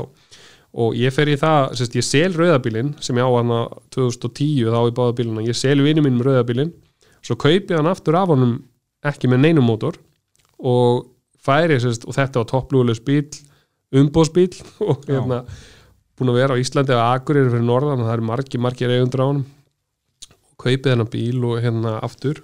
Færi sérst byggi upp nýjan mótor og hérna, sett þryggja lítra og sett í hann sagt, sveifar á svo úr X5 svona 2002 model þryggja lítra sem að strókar lengra á rauninni og kaupi hann þryggtastimpla á stangir og er þetta allt bara eitthvað sem þú sást á netinu að vera hægt að gera, bara flegi einhverjum sveifar á sem hérna á milli og, og bara ekki málið? Já, ég blessa, við erum líka yfir þessu öllu saman og þetta er ótrúlega þægilt með bjóðafinn hvað að passa margt á milli í þessari M50 seríu eða M5, seri- sem sagt M50X seríum. Þetta passar óa mikið mi- milli innválsi og, og hérna já, ég er rauninni setjan á móta saman. Ég var líka búin að orðið svona, þú veist, að koma einhver smá svona skratt í mig að fara, þú veist, ég var búin að heyra svo mikið að ég já, getur ekkert lengur eitthvað bara frá gammal og eitthvað. Og hérna, og ég er, er að fara að kaupa íbúð og ég hugsa bara, ok, ég smíða bara nú ég smíða bara keppnisbíl, ég ætla bara að fara all in í þetta. Þú veist, ég ætla bara að prófa að vera með sponsor þú veist, ég hef aldrei verið með sponsor eitthvað og ég ætla bara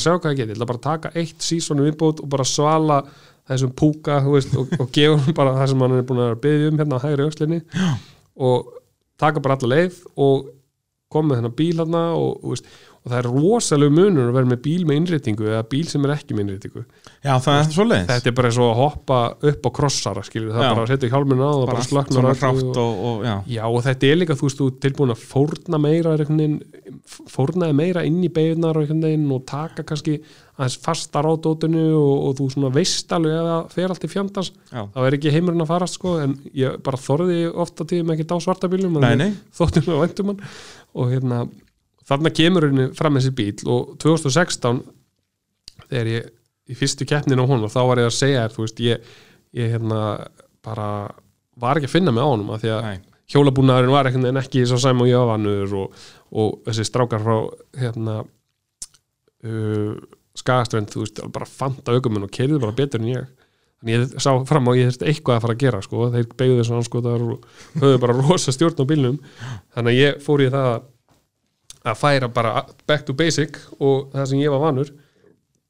Og hérna svo keppum við þarna aftur og ég man ekki hvort ég hefur Það var aftur AIH, það, þetta byrjar á AIH og svo er önnu keppnin líka á Já, breytinu hvar er ég þar? Er ég, Þú ert í öðru, þú byrjar í fjórða bara í fyrstu keppninu Já. og svo ertu í öðru seti í setni Einmitt, og hérna, þar er ég svona aðeins búin að bæti í og, og, hérna, ná aðeins að læra hann á bílinn og, og þarna í fyrsta skipti þá er ég að keira með vökvahambremsu ég hef aldrei keift Nú, með já, var vökvahambremsu aldrei vökvahambremsa í svarta? Nei, og þarna sérst, á svartabílinn þá lærði ég bara að ná beigjunni koma flegi ferð, tegja með örlítið lengra bara, dutt, Vera bara búin að leggja sagt. og svo var bara að tippla örlítið á bremsuna og, og hægt á sér og stilt upp inn í beiguna og vum og maður náttúrulega læri miklu meira að keira svoleiðis. Þú getur leðritt mistök svo rosalega með svona vökuahambur Já, og þarna opnaðist bara nýð heimi bara, já ok, ég bara bomba áfram inn í þessa beigju vilt að til svo bara, svo bara- í bremsuna sko. Jep. og þetta er ótrúlega gaman að geta leðritt sig og nota þessa bremsur inn bara ef maður klúrar einhverju. Já, þetta er náttúrulega líka út að sko þó að þetta bremsar bílinn ekki beint niður en þú getur út að við það að fara sætveis þá er náttúrulega hægist svo mikið á bílnum Já, já. að þú getur gert það bara á halvri sekundu að þá getur þú farið mikið mikið hraðar í beigunar Algjörlega, og maður getur komið rosalega aggressivt inn, aggressivt inn í beigju eða að beigju bara í þriðagýr og bara og bombað að beigjunni rífið í bremsuna og svo farið yfir á fótbremsuna þú veist, alvöru bremsunar og hægt sér niður inn í beiguna, þú veist, skipt niður og svo bara gunna út úr beigunni þannig að þetta er svona, veist, þessi dans sem er svo öðuldur með þessari bremsu sko, Já, já. og einhvern veginn, þú nærða veist, kontróla bílinn miklu meira sko. og síðan er það þriðakefnin, það eru Já, það er, og, og þar nærður loksins rennunni eða það ekki? Jú, þarna gekk þetta allt saman upp og, og motorsport árið er bara svona þarna að, að ganga ganga upp bara þannig, er að ég er held ég næði að vera fyrstur í Íslandsmóndunni í driftinu og, og ég næði þessari gullin þrennu þarna á bílatum og, og þetta hefur bara aldrei neitt verið nálægt þessu og kannski ekki verið að reyna þetta beint Nei, þetta er svona, þú bjóst þetta bara til að þessi gullnu Já. þrennu. ég held það sko, veist en það vonandi er þá kvetning fyrir aðra að reyna. Ég held að reyni þetta enginn sko, ég held að ég myndi aldrei ná þessu aftur í dag sko, Nei, er svoleiðis. ég held að þetta eru rosalega þarna, í öllum þessum flokkum. Já, og, hérna, og spila náttúrulega smá hefni með inn í þetta en það er bara einhvern veginn hérna, hluta þessu líka sko. já, það er meistara hefnin það er, Það er bara, bílarnir þurfa að halda, halda, hanga í lægi já, og, það er, ég var einmitt að taka upp núna bara þátt af, af pittinum, öðru podcasti sem ég er með um, um Formule 1 já, og þar var einmitt uh, Lewis Hamilton, hann kláraði Formule 1 keppnum helgina á þremur hjólum. Já, það er svoleiðis. Það er meistara hefnin, sko. Ha, það, ef, ef það verðst bestur, þá getur bara haft þín eigin hefni algjörlega. Þannig að, að það, það verður líka að vera. Já, já. En þetta, þetta gekk rosalega vel og hérna, það sem gerðist rauninni á þessum tímabili 2016 er að ég kefti í keppni sem heit King of Street í búið kvartmjörnum rétt, já. Ég held ég að tekið þátt í nýju viðbörðum, nýju keppnum sem er bara helviti drjútt á einu akstusári eða einu sumri og og það komst ekkert annað að.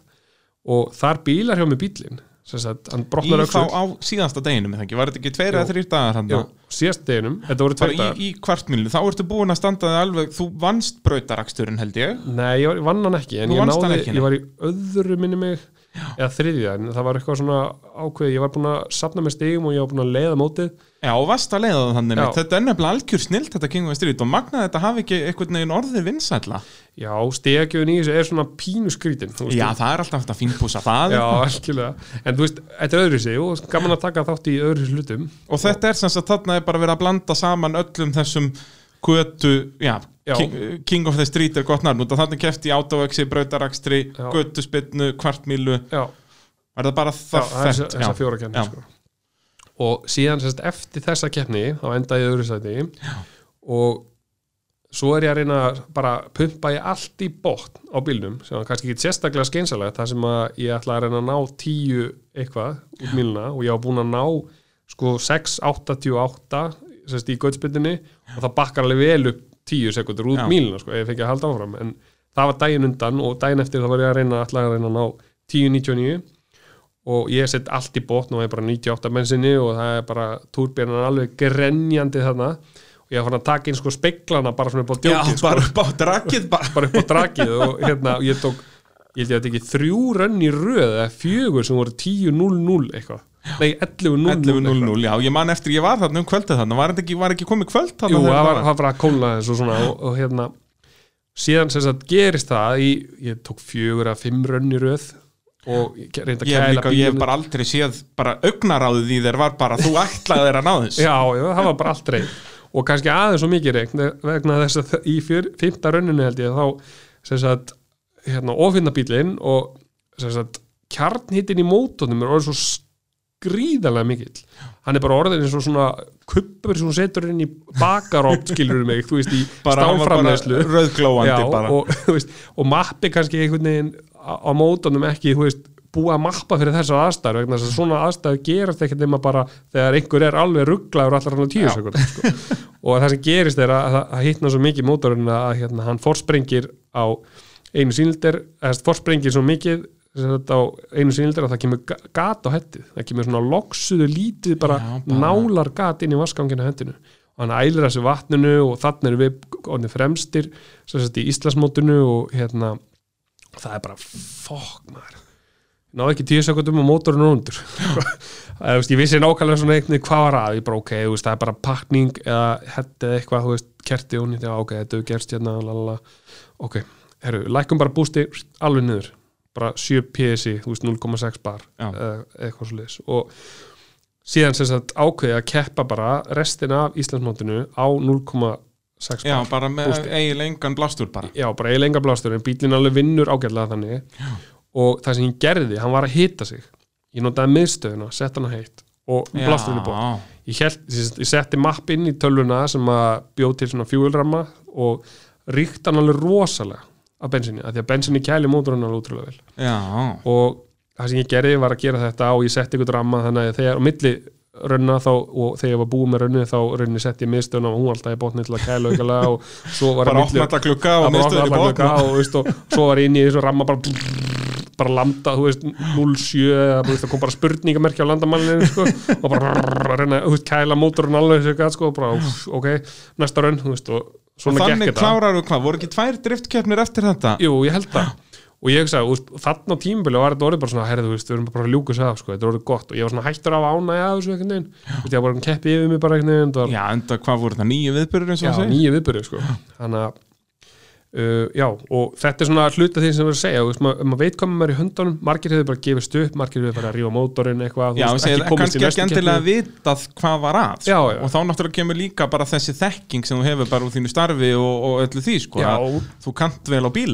Já, og búin að vera með þetta náttúrulega í höndunum sko. Þannig að þetta var svona lán í ólunni en, en þú veist, ég náði að klára, klára útmótið og náði að verða Íslandsmeistari. Já, þetta eru heldur þrjár keppnir. Þetta eru, sem sagt, eftir að mótorinn hann skemmist já, þá er þetta sem sagt tvær keppnir á KK-brautinni og ein á AIH já, akkurat, það passar og þú endar hann í öðru sæti á KK-brautinni strax eftir þarna götuspinnuna eða ekki, eða þarna eftir hvart mílu Þannig að setja ég beigjuketti og lendi í öðru sæti mitt. Þannig er ég komin farin að sjá það ok, ef við ætlum að reyna að ná þessu þá sagt, þurfum við að geta beikt meira. Af því að hinn í bílinu og náttúrulega sérstaklega á KK-brautinni Já, bara, og er þetta ekki þarna er KK-brautinni og kerði fyrsta skipti í drifti. Jú, og, og hvernig já, fannst þér það, þú, veist, þú varst vantarlega eitthvað búin að æfa þig á henni og eitthvað svo leiðis og vissir alveg hvað þú værir að fara í. Já, ég hef búin að efa mig bara með venjulegum beigunum og, og leist þér bara ekkert á það? Jú, jú, það algjörlega, veist, þessi braut fyrirgjöður rosalega mikið, er miklu að keira hana heldur en IH-brautina og ég hugsaði bara, ok, ef ég ætla að reyna, veist, ná þessu og vera bara, verulega hlið og hlaust, þá bara setjum við beigjukitt í bílinn og hann hérna Guðmundur Ingi í kistufelli var svo ánað góð við mig að sponsa mig með það, hann kifti beigjukitt fyrir mig. Já, og hérna bara þakkir fyrir það og, og hérna Vaka, hún, hún let mér fá sko ég held að vera 100 dekk hann yfir tímabilið sko, þetta var gríðalega mikið. Þannig að þetta sparaði mér rosalega mikið. Og hérna ég náði þú veist að var að slást við bílinn hana, þú veist, fyrsta skipti eitthvað, þetta var annar dagur sem ég var með þetta begið, þú var að slást við bílinn bara í keppninni og var ekkert að finna mig og það sem maður gerir þegar maður fer á hlið, þá lætur maður bílinn sjálfstýra já, þú rauninni sleppir stýri hjólinu að- að hann já, bílinn á alltaf að leita bara eins og íti búðakerru og íti búðakerru og það er kastarinn á henni sem að, þú veist, hallin á hjólunum sem að lætur hana, þú veist, lætur hjólinn snúast í þátt sem að þú veist, massin er að fara rauninni.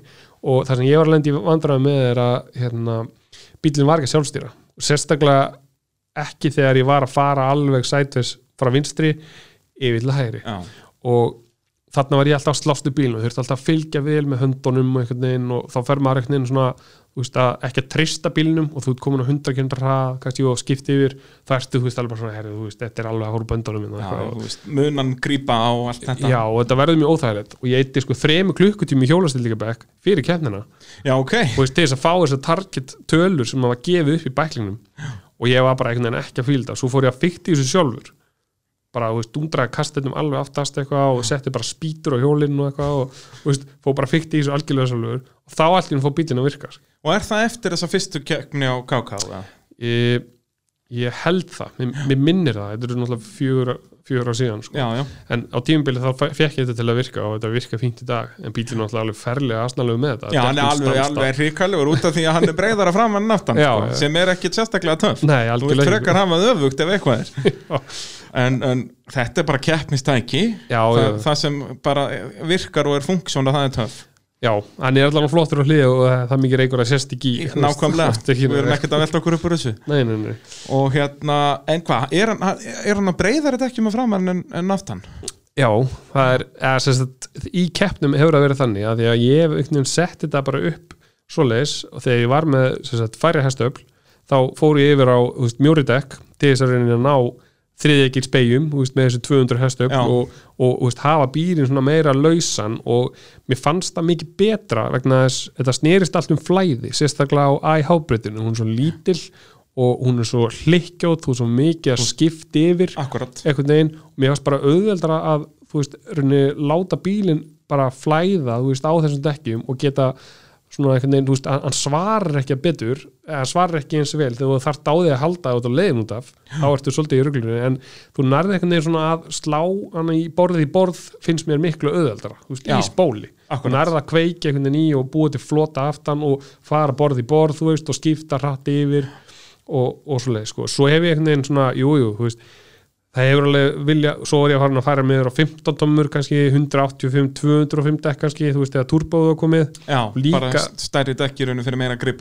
Já, reynir bara þess að hanga inn í beiguna, því að ef þú ert á greip litlum dekkjum, þá hérna, þú veist, leitar alltaf út úr beiginu, það sem að veist, já, og með, þá náttúrulega minkar hraðin líka Já, meira gripi getur haft meira hraða og þá fyrir fleiri stig. Já, og þú fær svona reynir víðar í beigju, og hérna og ég man bara þegar, þess að 2017 þegar hérna Chris Forsberg kom í það akkurat, og þá driftaði ég með honum. Og það var aldrei skemmtilegt. Heldur betur. Og hérna þá sem, sem sagt, fóru við á breytina og það var einhver dagur hérna, og bara ótrúlegt að ná manninum til já, Íslands. þetta var bara geggjað. Ef við tölum kannski aðeins um þennan dag þá var þetta í rauninni bara eitt svona leikdagur já, með bara heimsmeistarunum í drifti. Akkurat. Og þar varst þú bara að tandema með honum. Ég var bara að tandema með honum og úst, það var bara einhvern veginn hefði ég verið á þessum stað þarna 22 ára og vilja bara fara út og vera bestur og drifta með honum þá. Eða eitthvað, ég er bara, já ok, hún hættir, ok, bye. En þú veist, þarna áttaði mig bara á því hvað er, þú veist, líku munurinn á professional lögumanni, heimsmeistara og Íslandsmeistara á Íslandi. Og veist, þarna var, hann tekur mig svona afsið, sko og hérna, hann svona, herðu, við ætlum að kera þetta saman hérna, við erum ekkert að keppa það neitt þannig að ég myndi vilja að við tækjum lína þannig að þú gefur mig pláss þú kemur í breytinni tekur viða begur, eitthvað svona og ég gera það saman fyrir þig já, og ég eitthvað, ok, ég skil eitthvað, og veist bara gegja, gerum þetta eitthvað.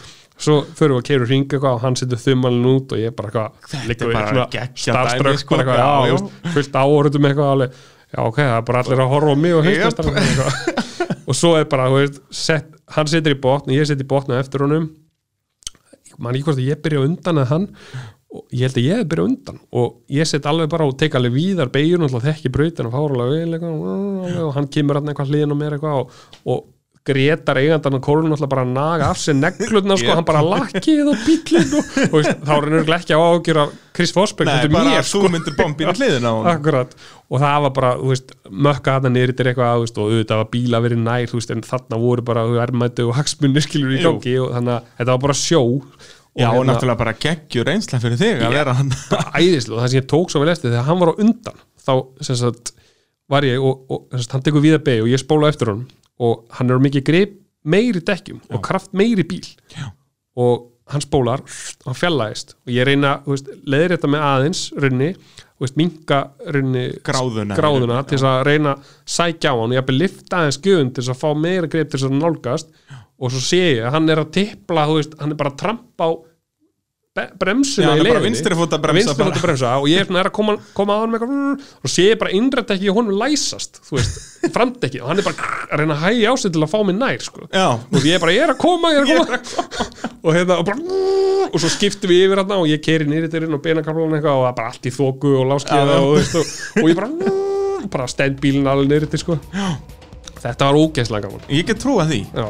og hérna, við skulum nú halda áfram eftir örstutli að tala eins um driftið. Það er svo indislegt Já. Þið verður að hlusta á eh, mótorvarpið eh, hér á Sport FM 102.5 allt saman í Nóa Sirius stúdíói podcastöðurinnar Aron Jarl, drift ökumaður er hérna með mér. Uh, Við erum svona já, búin að fara við ferilinn. Þetta náttúrulega enda hann 2016 með að þú verður Íslandsmeistar í, í drifti og náttúrulega loksins axtu því þú ert ámaður ásins Já, loksins, þetta, þetta tímabil algjörlega skilaði sér og hérna þetta voru ný, eins og þessi nýju keppnir og ég held að það var allar á palli nema einn Akkurat. Fyrsta keppnin og hérna bara frábært að fá þessa aðstu viðkynningu sem Axel Íþjóttar maður getur fengið og, og bara frábært að loka þessu svona. Um, Og hvað, af hverju lokar, þú veist, hvað, af hverju ákveður að hætta þarna? Uh, þarna reyni er ég búin að kaupa mína fyrstu íbúð og þetta var fyrir þrítut, ég var að vera þrítugur hann, ég var þrítugur. Ásaki. og hérna þetta er bara dýrt. Þetta er svona bæði náttúrulega pening og tíma. Pening og tíma og það er svona einhvern veginn þú ert með einhvern kapla í lífinu sem að veist, opnast og þú skrifar eða, eða upplifir og, og, og klárar. Síðan einhvern veginn bara er svo kapli kannski veist, bara komið, skiljum, þú er búin að reynskrifa og fara yfir þetta og svo bara, þetta er fínt. Veist, þetta er bara komið gott.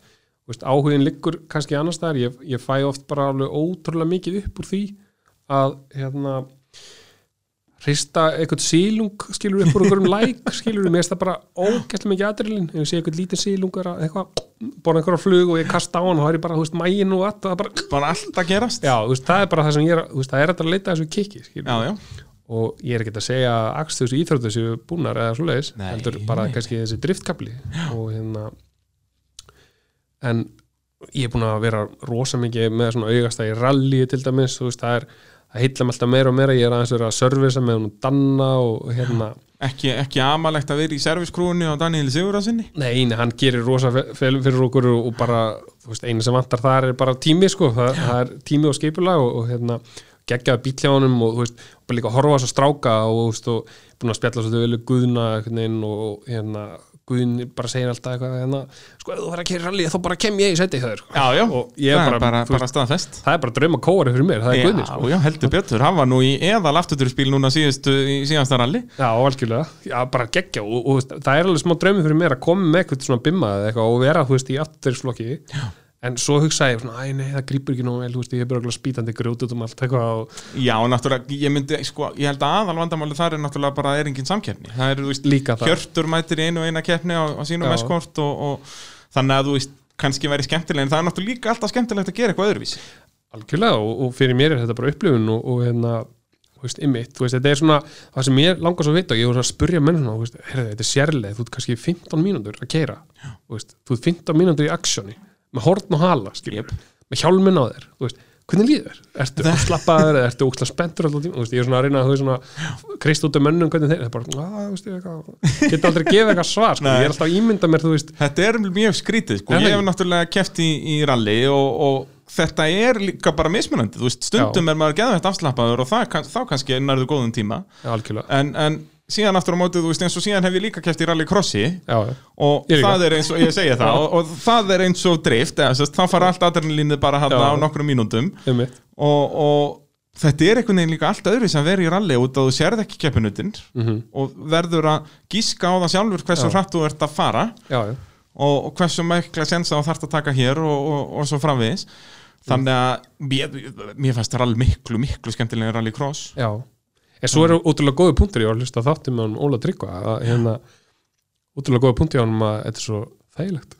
Já, já, það er, og driftið er það svo sem alveg líka, Já. bara mæta upp á bröð einmitt, ég er algjörlega að tengja það þú veist, þú bara komið með bjór kannski bara um kvöldmatt Já, bara komin í heitapottin bara Já, og allir löðrandi léttir, sko. Já, Það er hérna, rallið er aðeins meira vesen já, Þá en, ertu hérna helgina fyrir að leiða að skoða allt og, og svo þarf að skipulegja þannig að þú ert kannski með, veist, fjögra bíla her þarna servismönnum og drasl og einhverju þurfa að fara þangað og hinn er þangað og síðan er þessi tíma áætlun og da da da da da. Já. En þetta er útrúlega sætt sko líka það sem er rosalega skemmtilegt það er að bonda eitthvað svona eitthvað heild sko veist, eitthvað svona liðsheild, skilju, ef það var eitthvað fastur svona servicehópur eða, þú veist, eitthvað svona kóari og eitthvað, þú veist, að menn eru saman og með sama hugafar einhvern veginn og er að ná að hafa gaman, skilju þá er þetta held ég bara mest gefandi sportið. Já, sko, það er frábært einmitt að hlusta á sögurnar frá eins og Hirt og Ísak og Jópal og, og þeim sem voru, og, og Baldur Jóns sem hafa komið hérna í mótorvarpið að að heyra þeir út að þar voru servismennir sko, með alveg mikið keppniskap og ökumennir og þá er mitt kemur þessi liðselt sko, þeir, þeir eru allir bara eitthvað í einhverjum smábæ eitthvað staðar, bara höfni hotnafyrði eða eitthvað, bara í nafla alheimsins. Og, og eru eitthvað rándýra rallygræju þarna og ætlaði að fara að segra heiminn. Og eru alltaf í kompaníi með hver öðrum, þeir geti, þeir geti hvergi losna nei, nei, að þá náttúrulega kemur þessi svakalega liðselt Já, og það er kannski ekki alveg í, í, í eins og drifti og rallycrossi svona þar sem þetta meira bara heyrðu þú kemur með mig núna og eitthvað þó að auðvitað getur alveg líka verið eins og Já. er í brautar erlendis og allt það, þetta er sami hópurinn en þetta Já. er kannski svona meiri ævintýra mennska mhm en þú verður að koma í rallið Já, ég var rosalega mikið til það og ég svona náttúrulega hérna, með svona eh, stuðning hérna frá honum Danna hann er með sýstu minni og, og Jú, hérna, jú. þú veist, ég var með góðan kennara þar Ég heldur betur. þú veist, ég var í geggjað að fá hann til að koma og hérna, sína mér aðeins hvernig að gera það, skilur við Já, þetta er nefnilega, sko, ég hef alltaf sagt þetta með að ég held að í driftinu á Íslandi, bestu driftökumennir eru bara bestu ökumennir í motorsportið, þú veist, ég held að margir góðir rallarar myndu Já. mæti drift og eru það lélegir en ekki margir driftarar myndu koma í rall og vera lélegir, eða þú veist, kannski í rall út af það er en eins og bara í rallycross Já,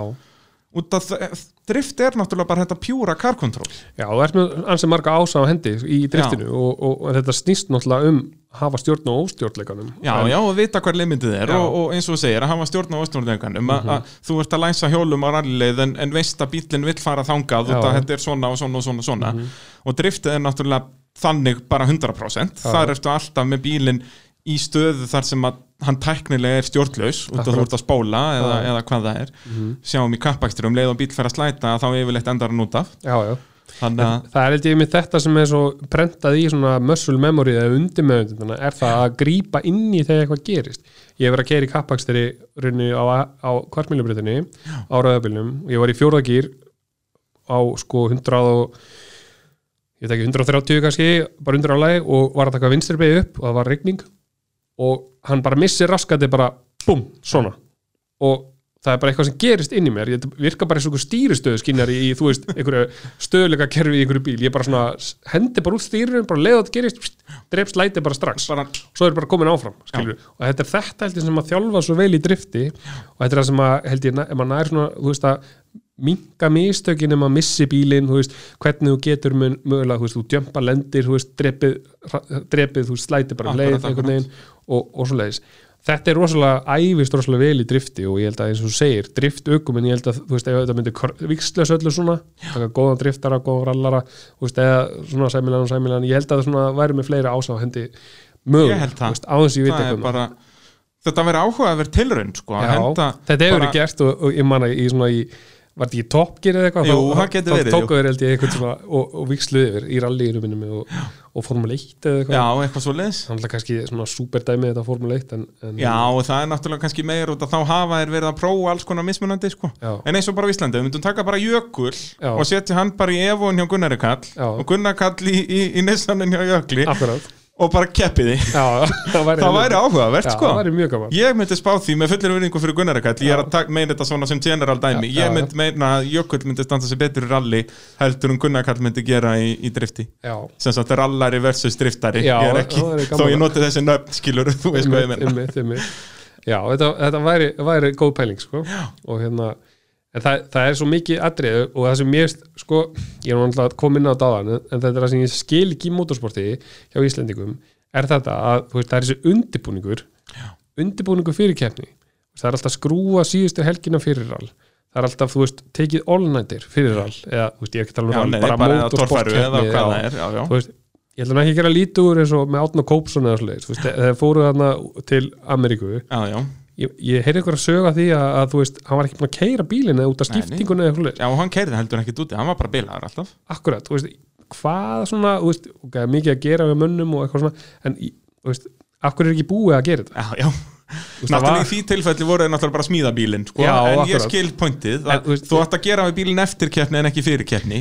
Það er nákvæmlega þannig og, og, og þetta líka að koma sér í stuð þú veist bara eins og Michael Jordan og þessir afreiksmenn og það er oft sem að góðir ökumenn líka inn á Íslandi þeir stoppa bara á hausnum skilur við, þeir bara einhvern veginn veist, þeir bara höndla ekki eitthvað eða, ég er ekki að segja ég sé ykkur snillingur í því en veist, þetta, er, þetta er bara andleg veist, líðan í motorsporti Já. eða keppnis Já, bara í veist, sporti, ég meina bara í sporti. Er, það, er, veist, það er ástæðan fyrir því að það eru til íþróttasálfræðingar skilurðu. algjörlega og ég lendi, ég, lendi já, ég lendi eiginlega í því ég, pínu, ég ætlaði bara að hrósa þessum ágæta manni að það var maður að kaupa með framljóns í BMF og hann heitir Reyni Þór Reynisson býr í Keflæk og er einn besta skitta hérna sem, sem við eigum Já.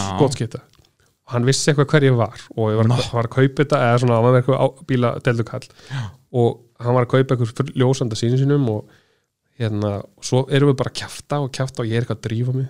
Svo bara líður klukkutími, veist einn og hálfur, eitthvað. Svo fyrir hann að segja mér þetta með að þjálfa undir með þetta og, og ég er svona, já, hefur eitthvað pælt í því? Já, ég er svona að koma mér í stuð bara eitthvað svona, veist í keppni, og svona stundum að tróma stýrið og eitthvað bara svona, og já, klappa bílum og segja svona, þú getur þetta kallið minn eitthvað og, og tala við hann og svona, og já, hlott eitthvað. Prófa þetta, prófa, ég ætla að kenna að þjálfa undir með þetta og það sem þú gerir er að hérna þú sest niður einhvers einn bara í þægilegan sófa einhvers staðar og getur þess vegna sest inn í bílhjöðar það sem er ekkert áriði og ert ekki með síman höður eða neitt saman. Og ert bara einhver þægilegum fötum lokar augunum og þú fer að ímynda þér þú fer að ímynda þér nákvæmlega þú sitt stattur upp á braut ef við tökum bara driftið sem dæmi. Þú ímynda þér þú veist að þú ert komin á réttu dekkin það er búið að fara yfir bílinn, það er allt upp á og allt bara eins og ef heiminu væri fullkomin akkurat. Síðan þú veist, spennir á þig beltið þú ferði gegnum allt þetta ferli sem undir með þinn gerir. Þú, veist, þú spennir á þig beltið með undir með Já, já. þú veist, all, allir þessu hlutir. Akkurat, þú ert að vekja upp runni þennan hug, þú veist, í þér, þess að undir með og þú ímyndar þetta, þú veist, þú ser þetta fyrir þér gerast, þú spennir á þig beltið, tekur fyrstu beina, kerir á stað, tekur fyrstu beina og þú tekur hann alveg upp á tíu. Og svo tekur hann næstu beina og tengir hann alveg upp á tíu og kolla kolli. Og tekur þetta rönn í huganum alveg upp á tíu. Við erum að tala um, 100% þú er bara aldrei kertið vel á æfinni þetta gerur aftur og aftur. Og alltaf þá allt prósessið að Já. setja á sér beltinn og Já, bara svona að þú veist, koma sér inn í þetta mót og svo gerur þetta, þess að tekur þetta þú veist, fólk getur prófað þetta eða vill. Og þú getur gert þetta sem sagt, þú gerir þetta kannski viku áður tekur þetta í tvisvar á dag, eins og dag eða eitthvað, ég fór að gera þetta sjálfur. Og ég fann alveg mun á þessu. Já, og síðan hérna á bíladöfum 2000 og held ég 16 eða 15 eða eitthvað þá sagt, er ég búin að vinna driftið eitthvað. Og þessi maður kemur lappandi tími og veist bara úr svona þögun og tekur í Já. þetta var bara svona einhverju bíómynd. Og bara að blessar spáður aðeins í þessu. Flott hjá þér til hamingju. Og svo ég bara, takk fyrir þetta maður þetta bara virkaði bara svín virkaði.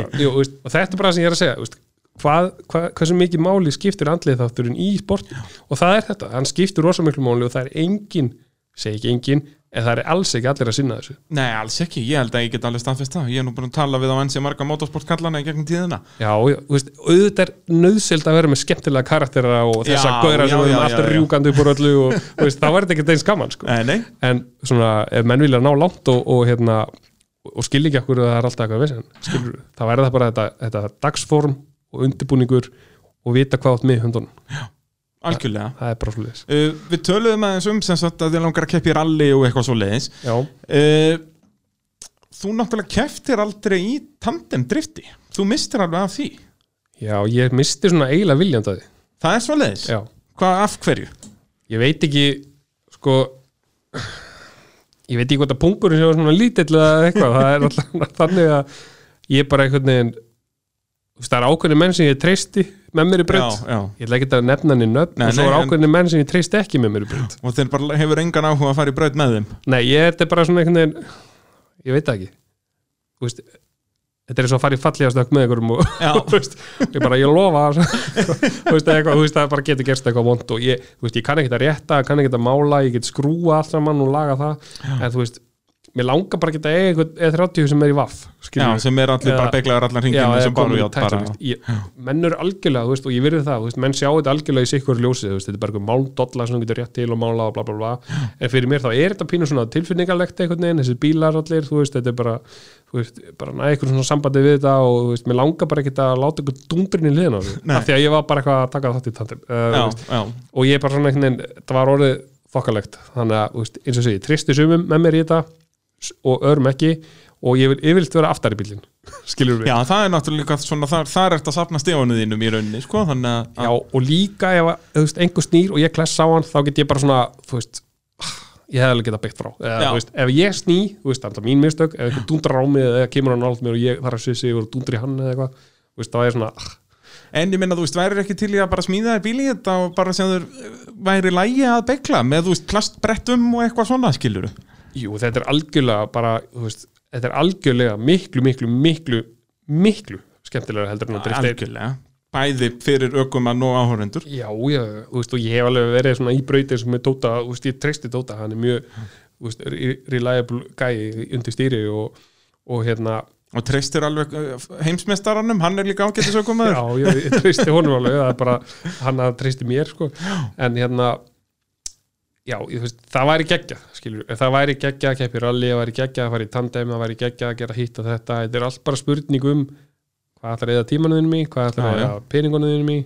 Þú veist, að sjálfsögum, mér finnst ótrúlega gaman að keira og ég var ekkert um að okkur sjálfskiptu bíl í tvö ár og ég bara fann hvernig svona bíla motorsport á því bara svona hjaðnað og kapnaði og ég var bara blár í framann og Þetta var hrikalegt, það var bara- eins og verið að bara hérna að kirkja þig. Ja, þetta var bara eins og að vera með klemmu á punktum bara, Já, eitthvað, veist, þetta þetta var alveg, alveg agalegt. Ja, þetta var bara ömulegt og svo loksist kefti ég mér eitthvað beinskiptan bíl núna og, og veist, ég, ég með svo gaman að koma í beigju og refmatsa bara vum, eitthvað, veist, þó þessi sendibílir í vinnunni, Já, já. Veist, það er bara vum, svo lengi sem það er yngja vír, skilur, sem þú getur bara kontróla gjöfun, ekki eitthvað tölvustýr yngju þar sem Já. þú gefur í og svo líða fjóra sekundur og vum, Og veist, þú getur bara- Nei, akkurat, þú vilt svona veginn bara geta spila á þetta allt saman og, og þá finnst mér þetta skemmtilegt og skiptir ég líka máli hvað bílinn heitir það er bara svona gaman að, mm, keira og, og gefa það í ég er meira sem með pallísið á pick-upnu var að koma niður heiði, þú veist, í gær og ég var svona farin að yfirkera pínu, þú veist að það var bara pínu gaman, skilur og svo svona kom einhver beigja og ég